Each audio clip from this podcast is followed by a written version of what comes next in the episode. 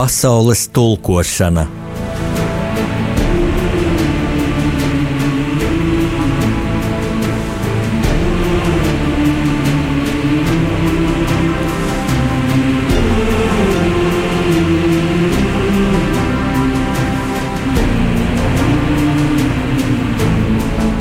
Studijā rakstnieks Jānis Udris.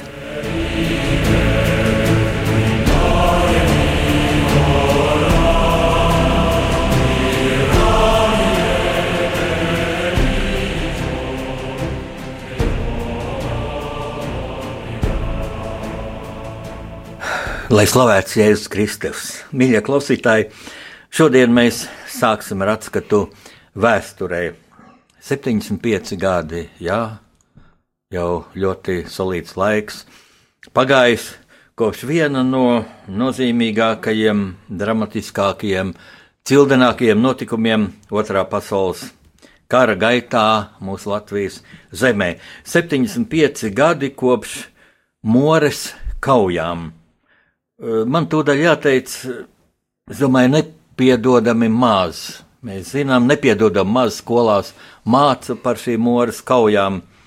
Cik es zinu, tad māca tikai tur, kur tiešām vēstures mācīšana ir īstu patriotu, īstu latviešu rokās, bet tā skolas mācība programmās, es domāju, tās ir sen jau jāpārskata daudz, daudz par maz par mūsu vēsturi, varbūt arī tādēļ, Tik daudz latviešu joprojām brauc uz rietumiem, jo vienīgais kritērijs daudziem ir materiālā labklājība un tāda, tāda vērtības sistēma, kurā dominante būtu tēvzemes mīlestība, atbildības sajūta pret savu zemi, pret cilvēkiem, kas raduši dzīvību par šo zemi. Tas kaut kur daudziem pat vērtības sistēmā nav ierakstīts. Tādēļ man studijā ir viesis, e, militāra persona, cilvēks, kuru Latvija ļoti labi pazīst. Tas ir viceadmirālis Gaidis Andrejs Zeibots. Es atgādināšu, ka mm, viceadmirālis Zeibots uh, bija uh, ilgu laiku mūsu jūras spēku komandieris, un viņš ir bijis arī visu Latvijas bruņotu spēku komandieris, eh, tāds izcils militārais speciālists ar lielu pieredzi, kurš arī tagad ļoti aktīvi darbojas um, Otrā pasaules kara vēstures izpētē, un, un, un, un es domāju, ka, ka admirālis pats runās visvairāk šajā raidījumā. Um, es gribu arī nosaukt tādu vēl sabiedrisko pienākumu, ja, uh, mm, Admirāls Zeibots ir Latvijas ģenerāļu kluba uh, valdes priekšsēdētājs. Citiem vārdiem sakot, prezidents. prezidents. nu, to es pateicu tā, ka šī gada sākumā saņēmu šī ģenerāļa kluba pateicības rakstu, un tas man mājās stāv godu vietā, tā kā paldies, admirāļa kungs. Bet tagad es tev gribu prasīt, godātais admirālis, tev gribu prasīt, kā tu vērtētu Moras kaujas. Nu, īsumā es varu pateikt to būtību tādu 44. gads rudens, jau visu latgali ir ieņēmusi sarkanā armija. Tuvojas kaujas Rīgai vēl tā kā patālu, bet tomēr more tas jau tur pie Siguldas ir. Un, eh, un latviešu tauta ir saspringusi glābties no jauna baigā gada, jo tagad mēs zinām, latvieši zina, tas ir mūsu tēva paudze, e, zina ko nozīmē sarkanais terors, zina, ka būs jaunas briesmas un daudz dodas bēgļu gaitās. Un ko dara savukārt sarkanā armija, kurai ir milzīgs pārspēks un milzīgi resursi šobrīd jau, un Vācijai kur, kuras rokās vēl ir liela daļa Latvijas teritorijas, nu, šie spēki iet mazumā, jo resursi zūd, nafta nav trūks, trūks metāls, lai ražot jaunus tankus un tā tālāk. Nu, lūk, sarkanā armija ar milzīgu pārspēku, tā tad grib izlausties šeit, tajā Siguldas līnijā, ja līdz jūrai, lai atšķeltu Vācu armijas nordgrupēm, kas atrodas Igaunijā vēl, Nu, tā, nu, tā bija tā taktika, ja sarkanai armijai aplenkt lielus, lielus vācu spēkus un tad iznīcināt, kas viņiem ļoti labi izdevās pie Staļingradas. Bet šeit neizdevās, ja. Un neizdevās, vai var tā teikt, godātais admirāli, vai tu neiebildīsi, ka militārs speciālists, es teiktu, neizdevās tādēļ, ka morē pie šī moras ciema stāvēja pretī sarkanai armijai latviešu leģiona 19. divīzijas vīri. Un nemaz tik daudz viņu tur nebija, bet viņi apturēja šo uzbrukumu. Nu, mums, eh, ja mēs eh, skatāmies atpakaļ un eh, vērtējam tā laika notikumus, ir ļoti daudz tādu skatu punkti un pieturvietas, pie kurām būtu jāpaskatās, kas tad notika kopējais. Kāds bija Vācu armijas morālais stāvoklis tajā brīdī, jo mūsu leģiona karavīri 19. divīzijas kuri piedalījās šajās kaujās un kuri palika un izdzīvoja, viņi, viņi skaidri un gaiši to saka, ka tajā laikā, tajā laikā eh, ļoti, ļoti demoralizēta bija eh, vācu armijas daļas, kuras atradās šeit. Viņiem galvenais bija ātrāk tikt mājās, bet mūsu karavīriem, mūsu karavīriem tā bija mūsu zeme, tā bija Latvijas zeme, un viņi zināja, kāpēc. Kāpēc viņiem ir jāstāv un kāpēc viņiem jākaro. Un, e, un šeit jau mēs varam vēl runāt par ļoti daudzām lietām. Latvijas karavīrs gadsimtu griežos, ja mēs tā runājam, viņš vienmēr bijis ļoti profesionāls. Arī, arī no seniem laikiem e, nezinu, cik ir taisnības, cik nav taisnības e, par, par Dāniju ka Dānijā ierakstīts baznīcā baidies eh, mēri un kuršus. Uh, bet īstenība ir tā, ka latviešu karavīrs vienmēr ir bijis ļoti profesionāls cilvēks, un šīs moras kaujas arī to parādīja. Varbūt mazliet vēlāk mēs dažus elementus pateikšu, kādas ir, un arī šo, šī iemesla dēļ arī šodien vācu kadeti, nākošie virsnieki, arī ir braukuši un brauc uz mori, tiekās ar mūsu bijušajiem karavīriem, un e, viņi tiek iepazīstināti, kādas bija pozīcijas šeit izveidotas morē un kāpēc šim nelielam karaspēkam, bet pārliecinātam karaspēkam izdevās apturēt šo sarkanās armijas uzbrukumu. Jo šie sarkanās armijas uzbrukumi tur nenāca virsū tikai kainieki, ja? bija arī mm, artērijas sagatavošana, bija aviācija, bija tanki. Uh, nu, mums 19. divīzijai nebija, nebija taču ne savu tanku vai aviācijas atbalstu vācieši deva. Aviācijas atbalsta nebija. Praktiski nebija. Uh, un arī sākuma eh, periodā nebija arī artērijas atbalsta. Pati artērija bija, bet nebija munīcijas tajā brīdī. Munīcija parādījās, un tad jau, tad jau palika drusciņi vieglāk. Jā, no sarkanās armijas puses nāca tanki arī, un, un eh, faktiski, faktiski taktika bija tāda pati kā vienmēr - nākt ar spēku, un, un ar dzīvo spēku, kuru praktiski arī daudzās vietās vienkārši dzina.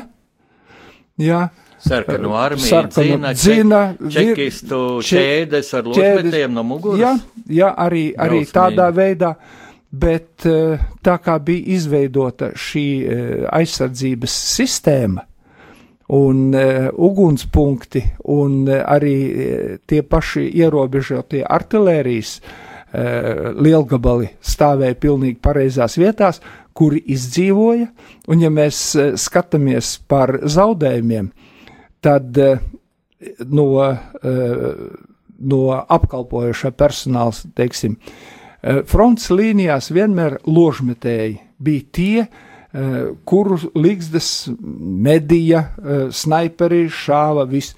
Tad šeit Eh, Moras kaujas, kauju laikā aizgāja bojā tikai pāris ložmetējnieki, jo šīs pozīcijas bija izveidotas tā, lai viņas nebūtu redzamas un nebūtu pieejamas eh, tiešai ugunī. Eh, tas, kā tu teici, ka pietrūka šāviņa. Ja, kāpēc? Vai tā bija kaut kāda neizdarība Vācu armijas pusē, vai, vai tiešām tas, ko es minēju, ka resursi jau vāciešiem trūka, bija pat šāviņi jātaupa? Es domāju, tur bija ļoti daudz dažādu iemeslu. Pirmkārt, jau tā atkāpšanās vai tā situācija, kāda bija kopējā frontē, bija ļoti grūti prognozēt, kur kā vajadzēs papildināt un uz kurien vajadzēs vest. Un, un tad jāskatās atkal, ar ko veda. Ar zirgiem, zirgu pajūgi bija. Arī, arī tas resurss bija tomēr e, ļoti ierobežots, un e, arī kad varēja. Tas bija naktis, uh, kamēr ir tumšais uh, laiks, un viss. Bet, uh, bet kauju laikā notiek dažādas lietas.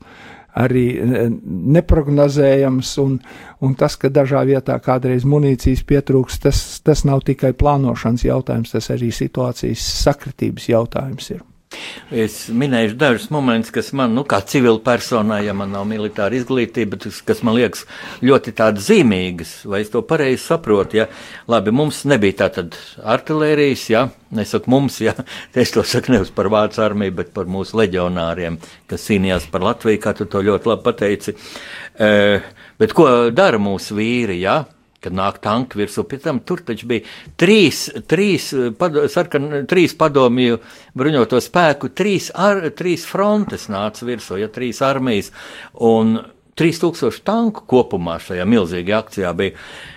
Pienāk tank, tātad, tanks tātad jāpielaiž ļoti tuvu lai viņi varētu sašaut ar faustu patronu, ja, ar tanku dūri, kā sauc. Ja, ja kāds to nezina, filmā Džimlai Rūdijā Olga Dreģa šāva, tā bija bazoka, jā, nu kaut jā, kas līdzīgs, jā, jā, jā. Ja, kaut kas līdzīgs, ja tāda reaktīvā caurula, pa kuru, un nedod Dievs kādam aizmugurē stāvēt, kur, mm. kur uguns nāk ārā.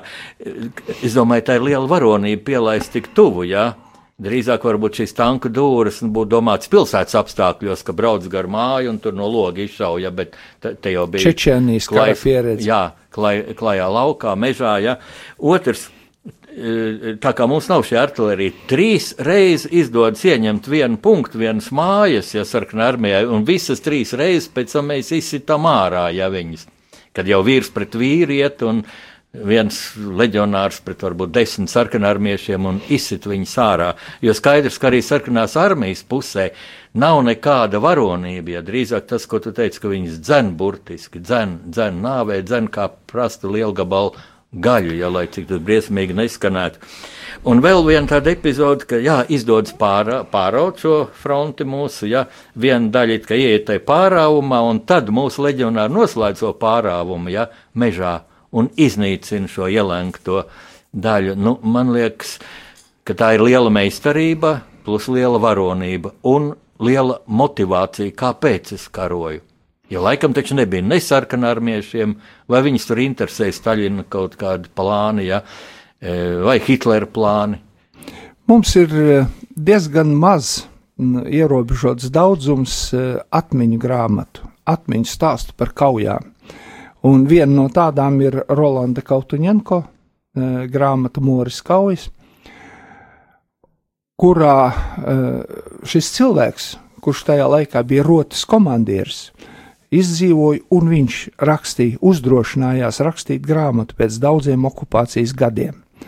Eh, tā ir viena no mūsu, mūsu lielām, es neteiktu, kļūdām vai nelaimēm, bet nu, zināmā, zināmā mērā nepiedodamām lietām, ka mums vajadzētu to cilvēku atmiņas un stāstus, kuri piedalījās. Arī Rolands Kautuņenka savā grāmatā skaidri un gaiši raksta. Viņš saka, izdzīvojušo jau praktiski nav. Tie, kuri varēja uzrakstīt atmiņas. Vada komandiera dzīves ilgums tajā laikā bija viena nedēļa, Rotas komandiera dzīves ilgums bija divas nedēļas, un bataljona komandieris trīs nedēļas varēja izdzīvot. Bija tikai daži cilvēki, kuri izgāja visas kaujas un palika, palika dzīvi. Nu, tāda, tāda laime bija Rolandam Kautoņenko. Un arī e, Atis Honka, kuram šogad palika februārī 102 gadi.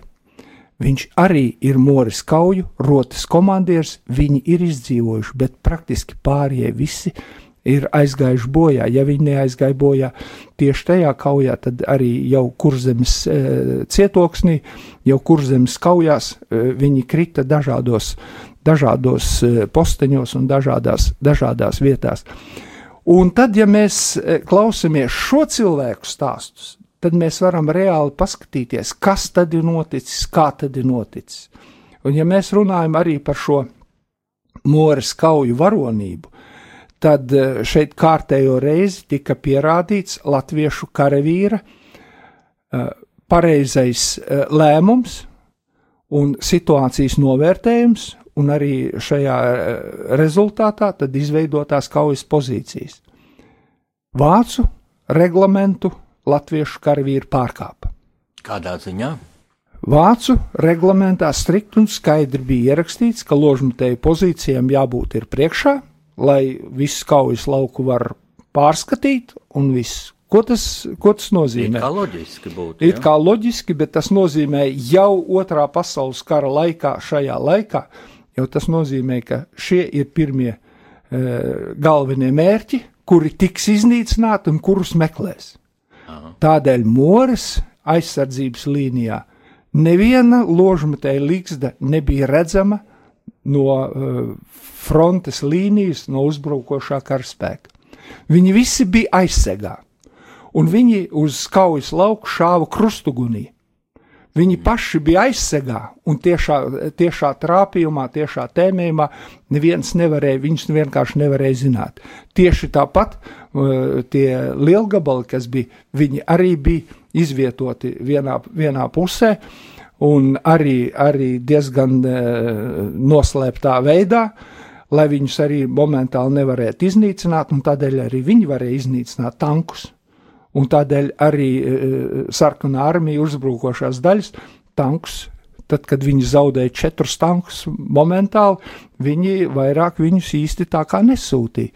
Arī, arī tas, kā, kā šajā grāmatā arī Rolands Kautiņš stāsta par šo kaujas sākumu, ja, ka nāca viens tanks, tā lēni, lēni, un klusums ir no leģiona puses klusums un nešauj neviens. Un tanks nāk un meklē, meklē mērķus un, un, un viss un klusums. Viņš jau ir simts metru klusums, nāk vēl tuvāk un tuvāk.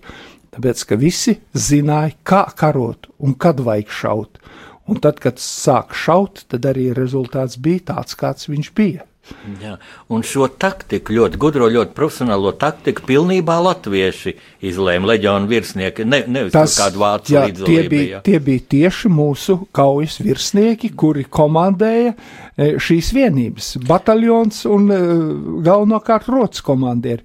Arī jau vēl viena e, tāda interesanta vieta - rotas komandpunkts. Rotas komandpunkts arī pēc vācu taktikas viņam bija jābūt turpat ierakumos blakus. Eh, blakus saviem karavīriem. Eh, šeit viņš atradās mazliet attālāk, bet tika nodrošināti sakari, un tādēļ rotas komandieris varēja pārredzēt visu kaujas lauku un arī taktiski varēja vadīt. Ja cilvēki nebija koncentrēti ļoti tuvu viens pie otra, tas nozīmē, ka arī eh, zaudējumi daudz mazāki. Un tādēļ arī šeit mūsu, mūsu uh, karavīri eh, izturēja, un tie zaudējumi nebija tik lieli, eh, lai zaudētu kauju. Ziniet, admirāli, es man tā ienāca prātā, ka uh, Vācu pavēlniecība, ja pēc Moras kaujām izanalizējot, nu, viņi būtu gudri darījuši, ja viņi būtu pārskatījuši savu to reglamentu, ja, bet viņiem laikam arī prāta nebija tik daudz, lai paskatītos, kāds bija rezultāts ar maziem spēkiem apturēt šo kolosālo sarkanās armijas uzbrukumu. Bet uh, latviešu karavīri un latviešu komandieri, bataljonu komandieri sevišķi Viņi jau ar vācu uh, komandieriem nevienmēr bija ļoti tik draudzīgi, teiksim, šajos, šo jautājumu risināšanā. Ja mēs paskatāmies atmiņas pie Volhavas, Jā. tajās kaujās, arī tur vācieši lika aizsardzības robežu izvietot tādā veidā, latvieši pateica, nē, ir pat gadījums, ka mūsu bataljonu komandieris pateica, tad es bataljonu vairāk nekomandēšu, un arī viņu noņēma no bataljona komandiera amata, nozīmēja citu. Tas vienkārši latvieši teica, tā nevar. Un, un es domāju, tas, ka latviešu karavīrs profesionāli zināja un vadīja savus karavīrus, arī deva to, ka ļoti daudz karavīru dzīvības tika saglabātas. Bet profesionālitāte ir arī šodien mūsu karavīriem, un tādēļ jebkuri mūsu sabiedrotie, kur mēs atrodamies operācijās, uh, esošajās mieru uzturēšanas operācijās, vienmēr ir laimīgi, ja viņu sastāvā ir Latvijas armijas karavīrs. Tas ir brīnišķīgi, jā. Noslēdzot sarunu par Moras kaujām, kāds ir strateģiski, kāds bija rezultāts? tam, ka 19. divīzijas vīri, leģionāri, apturēja milzīgo šo uzbrukumu. Sarkanās armijas, ko sarkanā armija darīja, kā viņi noreaģēja. Viņi tad eh, attīstīja uzbrukumu pavisam citur, klaipēdas virzienā, cerot citu Jā, vācu grupējumu aplenkt. Nu, viņi, viņi dabūja, Un Rīgas liktenis viņi, kāds viņi, bija. Viņi, viņi dabūja savus plānus pilnīgi mainīt, pilnīgi izmainīt, un tas, tas nozīmē, ka arī uz zinām laiku arī apturēt šo straujo virzību uz priekšu, kas vienkārši deva iespējas evakuēt eh, gan cilvēkus, civili iedzīvotājs, gan arī bruņotos spēkus un tehniku un visu. Nu, un eh, rezultātā jau vēlāk pieņemtais lēmums arī par Rīgu. Rīga tika izglābta no, no pilnīgas eh, izpostīšanas. Rīga Tā tad netika aizstāvēta vācieši, necīnījās par Rīgu, un te ir tā milzīgā padomu propagandas falsifikācija, ko e, 13. oktobrī, jau pavisam drīz, nu atkal laikam kādi, kādi, kādi dīvaini atzīmēs šeit pat mm, netālu no, no mūsu radio studijas, ja, mm, uzvaras laukumā, laukumā, kas nosaukts par uzvaras laukumu mm, par godu latviešu uzvarai pār bermontiešiem, ko daudz citautieši, kad dzīvo Latvijā, nezina un nav papūlējušies uzzināt. Ja? Nu, tas jau ir cits stāsts. Mums tagad laiks muzikas pauzei, un tad mēs runāsim par citu aspektu. Protams, es izmantošu izdevīgu. Izdevība, ka tik izcils militārais speciālists ir mūsu studijā. Tagad muzikālā pauze.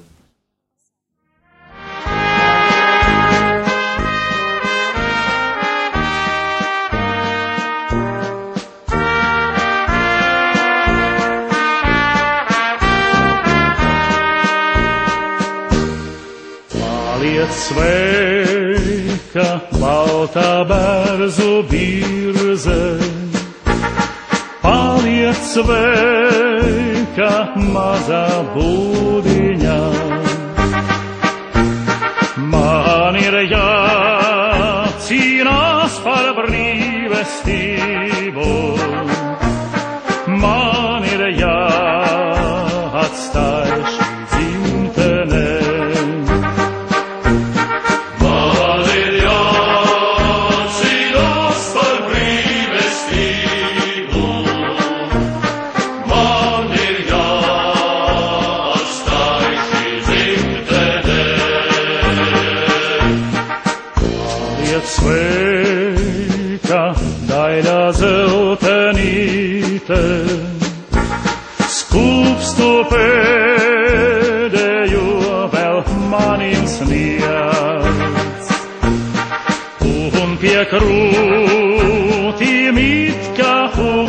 liesmu, vienu sārtu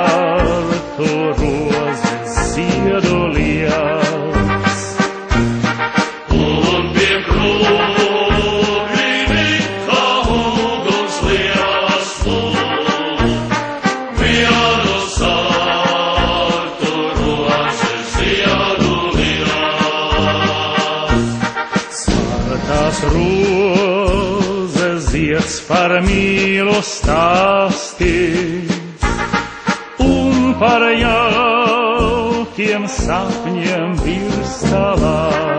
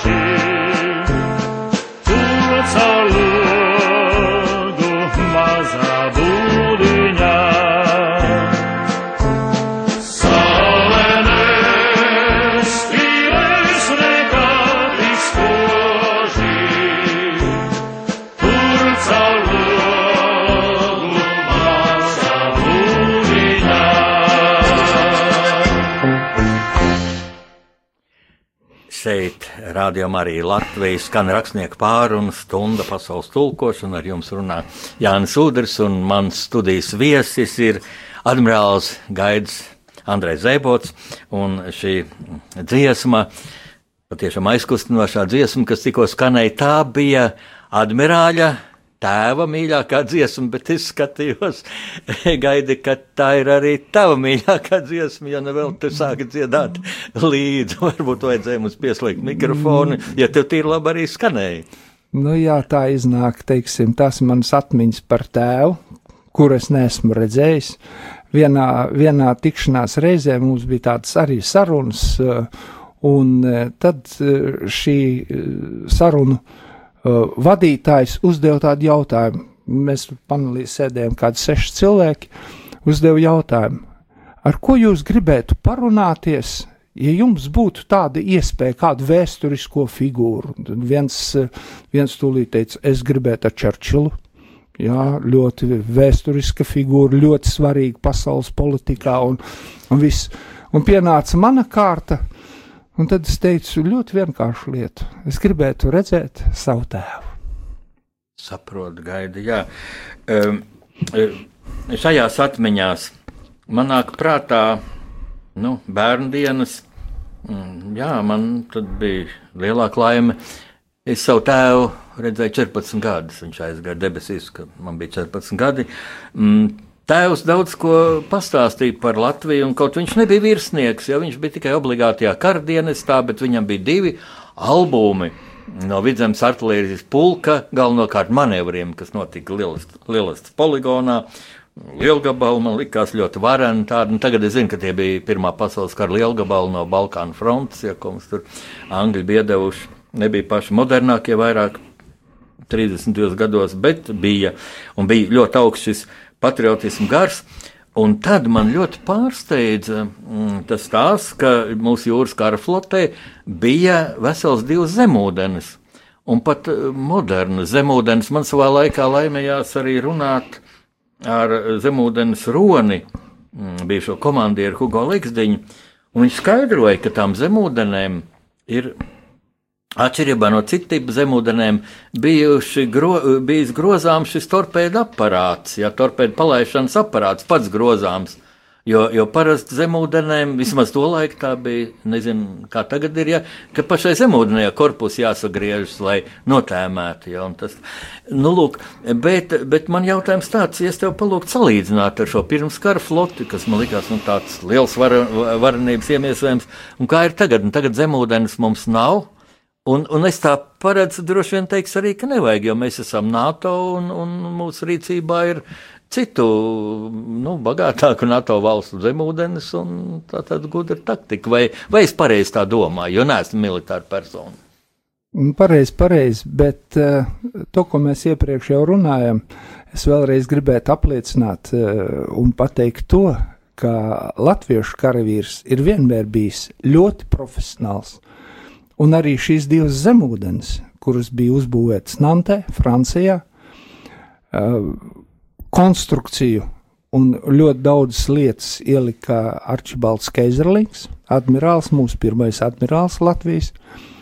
Jā, un tā bija viņa ideja, šie grozāmie torpēda aparāti, un vairāk pasaulē nekad, nekur vēl nav bijušas tādas zemūdens, nekad un nekur. Tiesi. Jā, un, e, es un, un nezināju. ja mēs, e, ja mēs e, zinām to, ka zemūdens ātrums tajā laikā zem ūdens bija 3-4 mezgli, tad Cik padomājiet, tas būtu kilometros? Daudz, nezinu, cik ir mērs pusotras nu, kilometrs. ja? 6, 5, 6 km, teiksim, ja.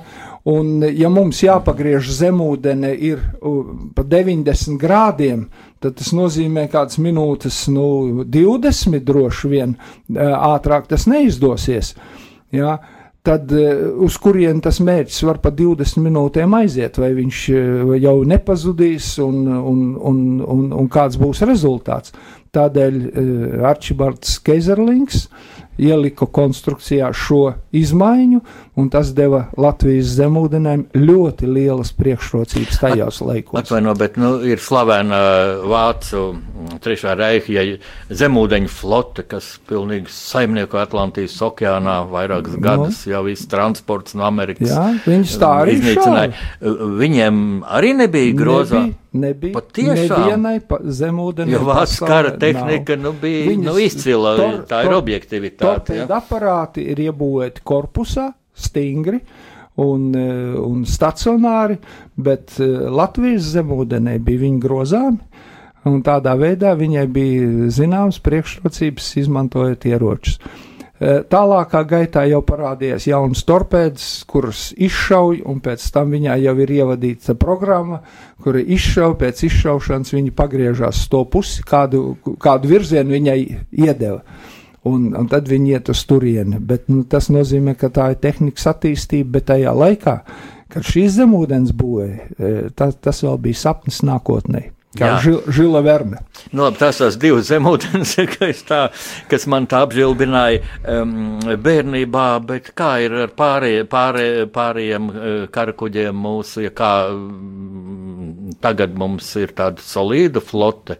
Nu, jāsaka tā, eh, saka, ka līdz 40 gadam Latvija varēja lepoties saviem jūrniekiem, kaut gan eh, tās flotas lielums jau bija mazs, eh, divas modernas zemūdenes, divi mīnu traleri plus virsaitis vēl flagmaņa kuģis, kurš gan bija pacelts no jūras dibena un atjaunots. Bet eh, cilvēki bija, cilvēki bija sagatavoti, viņi profesionāli veica savus pie, pienākumus un uzdevumus, un jāsaka, tā kādi bija tie uzdevumi. Un šie uzdevumi bija eh, tādi, ka flote, tā laika flote viņus pilnīgi izpildīja. Šodien, jā, šodien ir eh, citādi uzdevumi, un šodienas jūras spēki ar tiem, kas ir jāpilda, viņi ļoti labi ir tikuši galā, un es ceru, ka arī tā būs. Ja runā par eh, tehniku un kuģiem, tad jāsaka, mums arī viņi jau ir, eh, ja runājam par mīnu iznīcinātājiem, teiksim.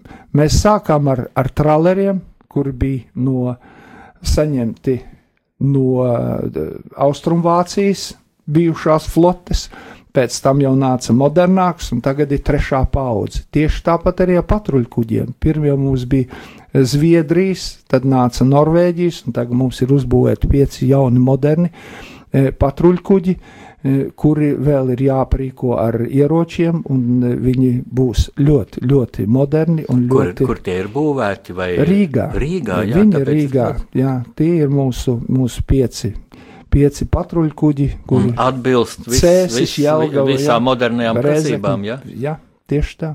Aha, tas ir ko vērts. Es atceros, starp citu, tad, eh, tas bija 90. gados, kad mēs saņēmām šos nu, bijušos Austrumvācijas, Vācijas Demokrātiskās republikas, ja, komunistiskās Vācijas eh, kara flotes kuģus. Eh, Tie bija pašā Vācijā būvēti, laikam, jā. Bet tas galvenais, ka es viņus eh, atceros, es biju Latvijas vēstniešu ārpolitikas redaktors, un bija tur tādi žurnālistiem arī iespēja būt uz šiem kuģiem, un mēs bijām šokēti, ka uz viņiem vēl nebija ieroču. Visi ieroči bija noņemti, un tur No. no. es teicu, kur ir ieroči, un tur bija, bija tāda līgsta, ja, kur lielgabalam jāstāv, un teicu, es šeit ielien un, un, un ar šauteni šauja. Es-. Jo tad mums vēl kaut kāda, nu, politiska iemesla dēļ nedēļa Nu, tie bija bruņojumu. Tie, tie bija tie gadi, kad Jā. jā. nevarēja zināt, kas būs ar Latviju. Jā, jā, un, un, un vēl laipoja Krievijas priekšā, zondēja, kas būs ar Un, Krieviju. eh, Tādēļ no manas puses es tajā laikā par šiem kuģiem teicu tā, ka tas bija pilns uh, striptīs, kad viss bija noņemts. Bija palicis korpus un dzinēji. Pliks kuģis, Jā, korpus un dzinēji. patiešām striptīs. Un tad, kad, un tad, kad mēs viņu tepat Rīgā, Rīgā Rīgas kuģu būvētavā, viņi eh, ne Bolderājas kuģu būvētavā, eh, viņi tika atjaunoti un aprīkot ar zināmu eh, tehniku, arī ar eh, ieročiem no Polijas. Jā, atbrauca Vācijas karaflotes komandieris, admirālis, un tad, kad viņš iegāja stūris mājā, viņš ieraudzīja, ka mums ir elektroniskās kartes. Viņš atsēdās, viņš teica, no kurienes jums tas ir? Vācu kuģiem vēl nav. Aha. Un, eh, Un no kurienes mums bija? Ja nav militārs noslēpums. eh, vienmēr esam uh, skatījušies nākotnē, un es vēl vairāk varu pateikt. Tad, kad es jau biju uh, bruņoto spēku komandieris, un uh, NATO komandieru tikšanās bija Francijā, un tad mūs aizveda ekskursijā parādīt uh, jauno uh, Francijas uh, lidmašīnu bāzes kuģu Šarlu de Gaulle un kā lielu sasniegumu. Tas ir atcerieties, 2003. gads. Kā lielu sasniegumu viņi stāstīja, ka mums uz šī kuģa ir pirmās elektroniskās kartes. Mums viņas bija jau uz katra krasta apsardzes skutera. Jā, man ienāca prātā tāda doma, mm, kāpēc mūsu nu, ekonomika tā kaut kur distrofiski attīstās. Nu, te ir nodokļu politika un tā tālāk, un tā tālāk, bet it kā arī viens no momentiem, kā to skaidro, ka nav tāda īsta niša, ja ka viss nišas ir aizņemts, viss konkurence sadalījusi, ja dažādas produkcijas, bet kāpēc mēs paši nevarētu vairāk savu bruņojumu sev ražot, lūk, kā, kā, kā flotei, ja kā tu minēji. Nu, ir vairāk iemesli, to ceļu bet, tomēr. eh, Es eh, negribētu būt tāds pesimists. Jā, lūdzu. Eh, mēs- es priecāšos, mēs, ja tu man eh, sakausi šeit. Es ļoti gribu, jā, Mēs dzirdēt eh, optimismu no tevis. ļoti daudz ko nezinām, kas notiek Latvijā. Nu, piemēram, mm, Latvija ražo bezpilota lidaparātus. Dronus. Nē, bezpilota lidaparātus. Ne, Kas drons tas tālāk ir lido un ātrāk, jā, jā. ar zinām citiem uzdevumiem. Par Jā. to Latvija zina, par to Latvijā daudz nerunā. Varbūt arī Bet- nevajag, ja, ja Bet, nevajag, tad bet, tu bet neatbildi. šos, to sapratīšu. šos lidaparātus mēs ļoti daudzām pasaules valstīm Latvija pārdod. Mm. Tie, kas ražo. Un arī ir tādas lietas ļoti daudz. Nākošais eh, runāt par eh, dažādiem ieročiem, un tad jāsaka tā, eh, var, to var izdarīt, bet teiksim, arī patronu ražošanu, jo bija, bija laiks 90. gados, gan iekšlietu ministrijai bija projekts e, patronu rūpnīcai, gan arī bruņotiem spēkiem, ja, un neviens no viņiem nerealizējās dzīvē. Ja uzbūvēt modernu patronu ražošanas e, rūpnīcu, tad viņa no apmēram nedēļas laikā saražos gadam vai diviem. A, ko viņi pārējo laiku darīs? Un patronu tirgu, citām valstīm. bet eh, citas valstis jau ražo. Un, un, iel, un ielīst tajā tirgū iekšā, kur, kur teiksim, ir miljonu armijas, ja, nu, viņi nepirks mūsu patronus. Mhm. Un, un, un tā, tādēļ ir ļoti strikti e, jāskatās, kādas lietas mēs varam ražot. Mēs varam ražot ekskluzīvas lietas, un mēs arī tādas ražojam. Mēs, ra, mēs ražojam arī patronus, tai skaitā. Mēs ražojam arī patronus, kurus e, ļoti daudz pērk. Tā ir optimistiskā nots. bet tās ir ļoti specifisks patrons. Tagad paklausīsimies atkal mūziku. Es gribu ļoti ar tādu optimistiski not šo runas, sarunas cēlienu noslēgt, un tad man vēl pēdējais jautājums būs tagad mūzika.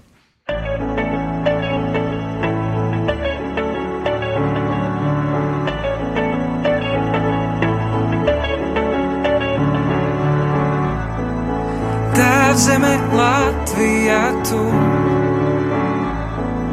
Māte, kas sargā un tic, zeme ar likteni grūtu, kad ienaidnieks nokauts, uzrodās cits. Tā gadu no gada, kā solim, kļūsti tu svabāda soli pa solim.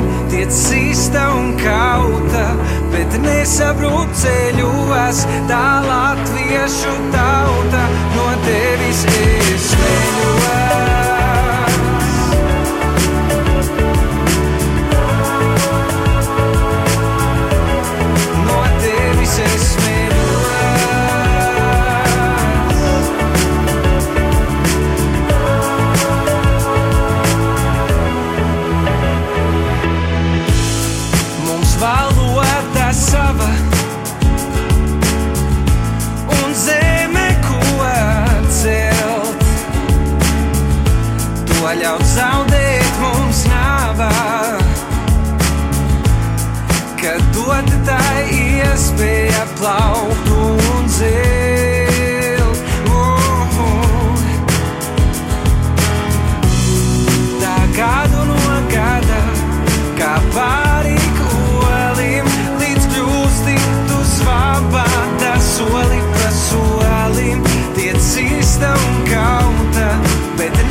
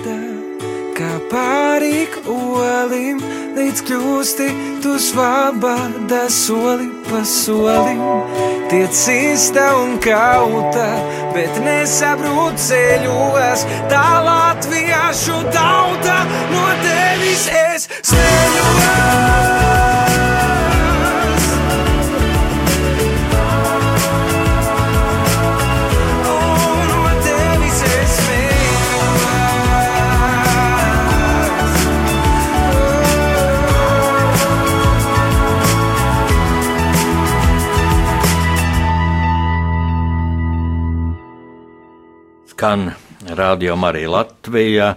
Rakstnieku pārunu stundu mēs turpinām sarunu ar admirāli Gaidu Andreju Zeibotu.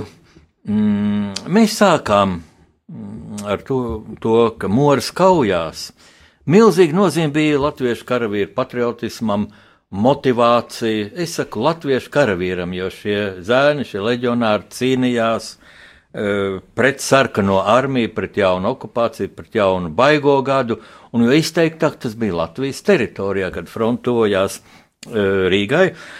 Un tādēļ bieži es šorīt televīzijā skatos tādu aptauju, ja uz ielas prasa cilvēkiem, nu, vai Latvija droša tā, un cilvēki arī saka, jā, droša par bruņotiem spēkiem un, un tā.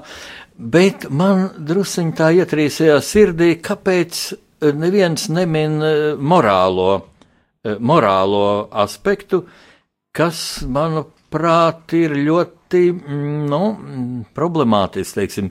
Ir ļoti patriotiski jaunieši, ja jaunsargi. Es to redzēju Lestenē pagājušā gada beigās, Ziemassvētku, Ziemassvētku kauju atcerē. Man bija, es ļoti lepojos ar to, man bija tāds uzdevums, e, ko aicināja mm, Latvijas ģenerāļa klubs, vadīt šo piemiņas brīdi Lestenes brāļu kapos, un tur dziedāja Vilniņa salaka vīru kvartetu dziedāja, karavīru dziesmas, un manī visvairāk aizkustināja nevis, tā, nevis tas, ka, ko es pats runāju, ja, vai šie atmiņu epizodes par, par karavīriem, kas arī mm, ļoti aizkustinoši bija.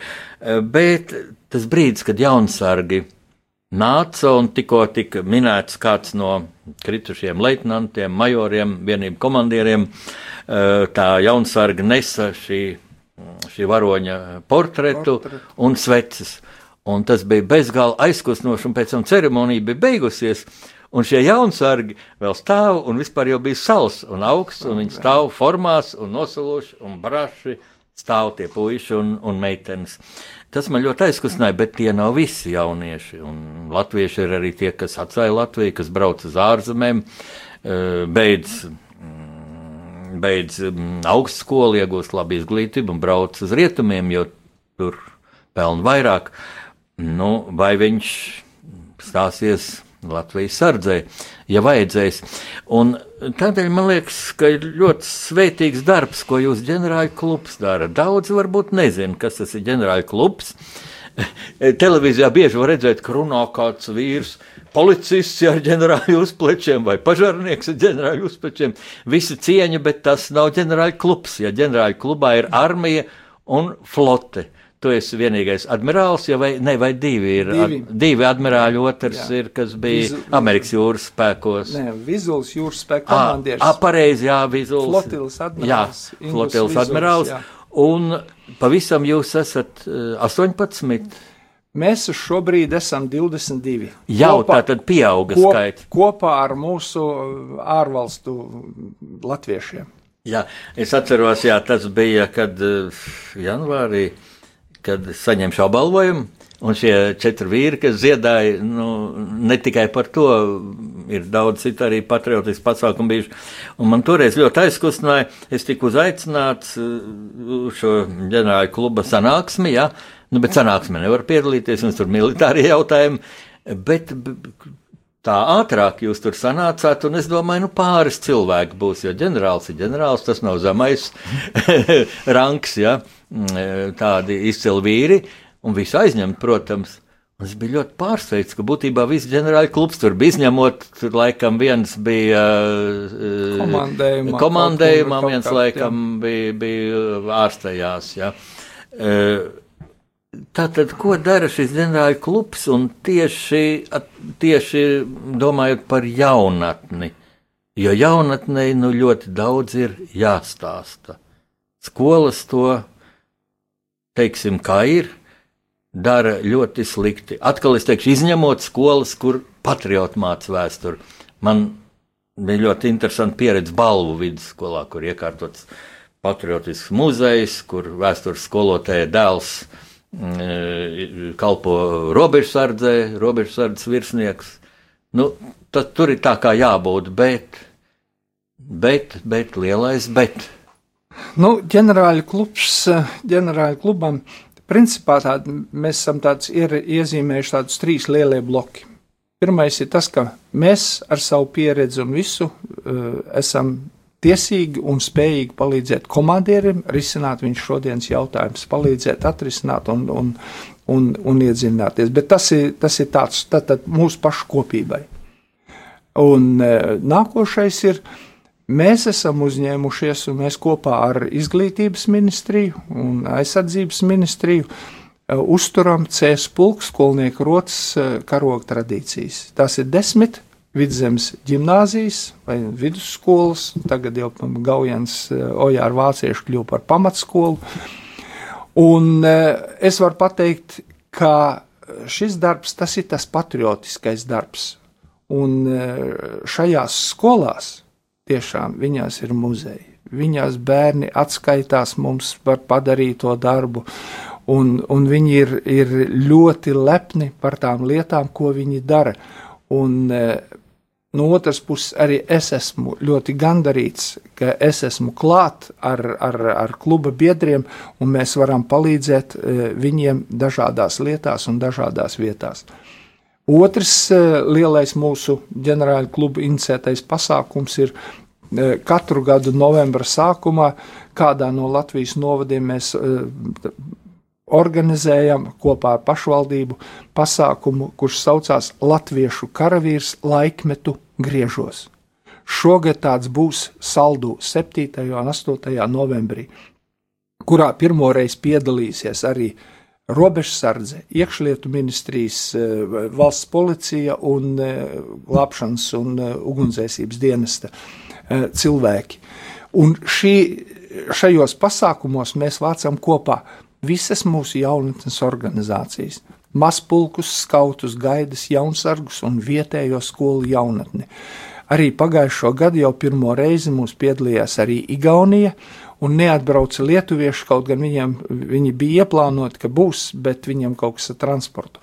Iznāk šogad arī lietuvieši un igauni piedalās, jo mēs esam izgājuši e, jau starptautiskā arēnā. E, šī pasākuma e, kontekstā mēs arī katru gadu janvārī izsludinām radošo projektu konkursu kurš ir saistīts arī ar šām, šīm patriotiskām lietām. Un šis gads arī ir saistīts ar Latvijas armijas simtsgadi, Un, eh, un eh, tie bērnu vai skolnieku eh, darbi, kurus viņi uzraksta, fotografē, filmē, viņi ir fantastiski. Un tad ir, tad ir jāsaka tā, ka citreiz šie bērni redz tālāk par mums, redz tālāk par mūsu vietējo pašvaldību, lietām. Piemēram, mums ir tāds, tāda Daugopilī mēs organizējam, mums, mums bija ļoti, ļoti grūti. Mēs gribējām uh, atjaunot pulkveža brieža ielu, kurā ir četras mājas. Mums tas neizdevās. Bet Krievu skolas, Krievu gimnāzijas bērni uzrakstīja darbu par šīs ielas atjaunošanu, par kuru mēs nezinājām, ka tāda ir un, un viņi redz un daudzas lietas, bet bērni un jaunatni mums ir ļoti, ļoti talantīgi. Tie ir svēti vārdi. Man ļoti gribētos beigt ar šiem vārdiem. Tikai vēl viens teikums, zin, man dziļi iekrita sirdī tas, kā tā zviedru meitenīte 16 gadi. No ANO tribīnas Ņujorkā sadeva politiķiem, valstu vadītājiem, ja, un es domāju, kad Latvija nu, sāks daudz straujāk attīstīties tad, kad mūsu bērni arī teiks politiķiem, vājiem politiķiem, sliktiem politiķiem, kā jūs uzdrošināties apkaunot Latviju, apzakt Latviju. Bet, ne par visiem, bet par tiem, kas ir pelnījuši. Bet tad jau jālieto ir Latvijas kara flotes devīze. Latvijas kara flotes devīze ir mūsu vieno Latvijas svētais vārds. Brīnišķīgi. Mīļie klausītāji, mūsu studijā bija Admirālis Gaidis, Andrejs Zaibots, nu, lai tev Dieva svētība šajā ļoti, ļoti svarīgajā darbā audzinot jaunatni un nododot savu milzīgo, milzīgo militāro pieredzi gan vēsturiskā aspektā, gan arī par modernajiem bruņojumiem ar dievpalīgu admirāļu kungs. Paldies!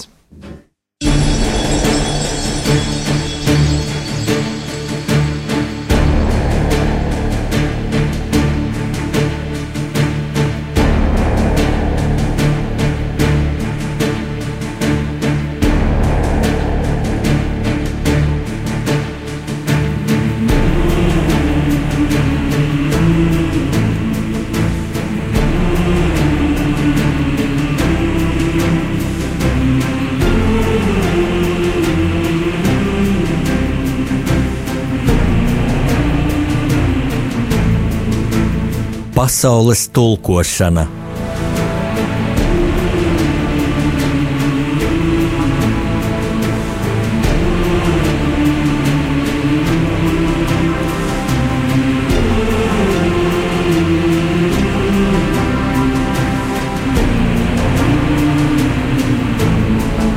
Studijā rakstnieks Jānis Udris.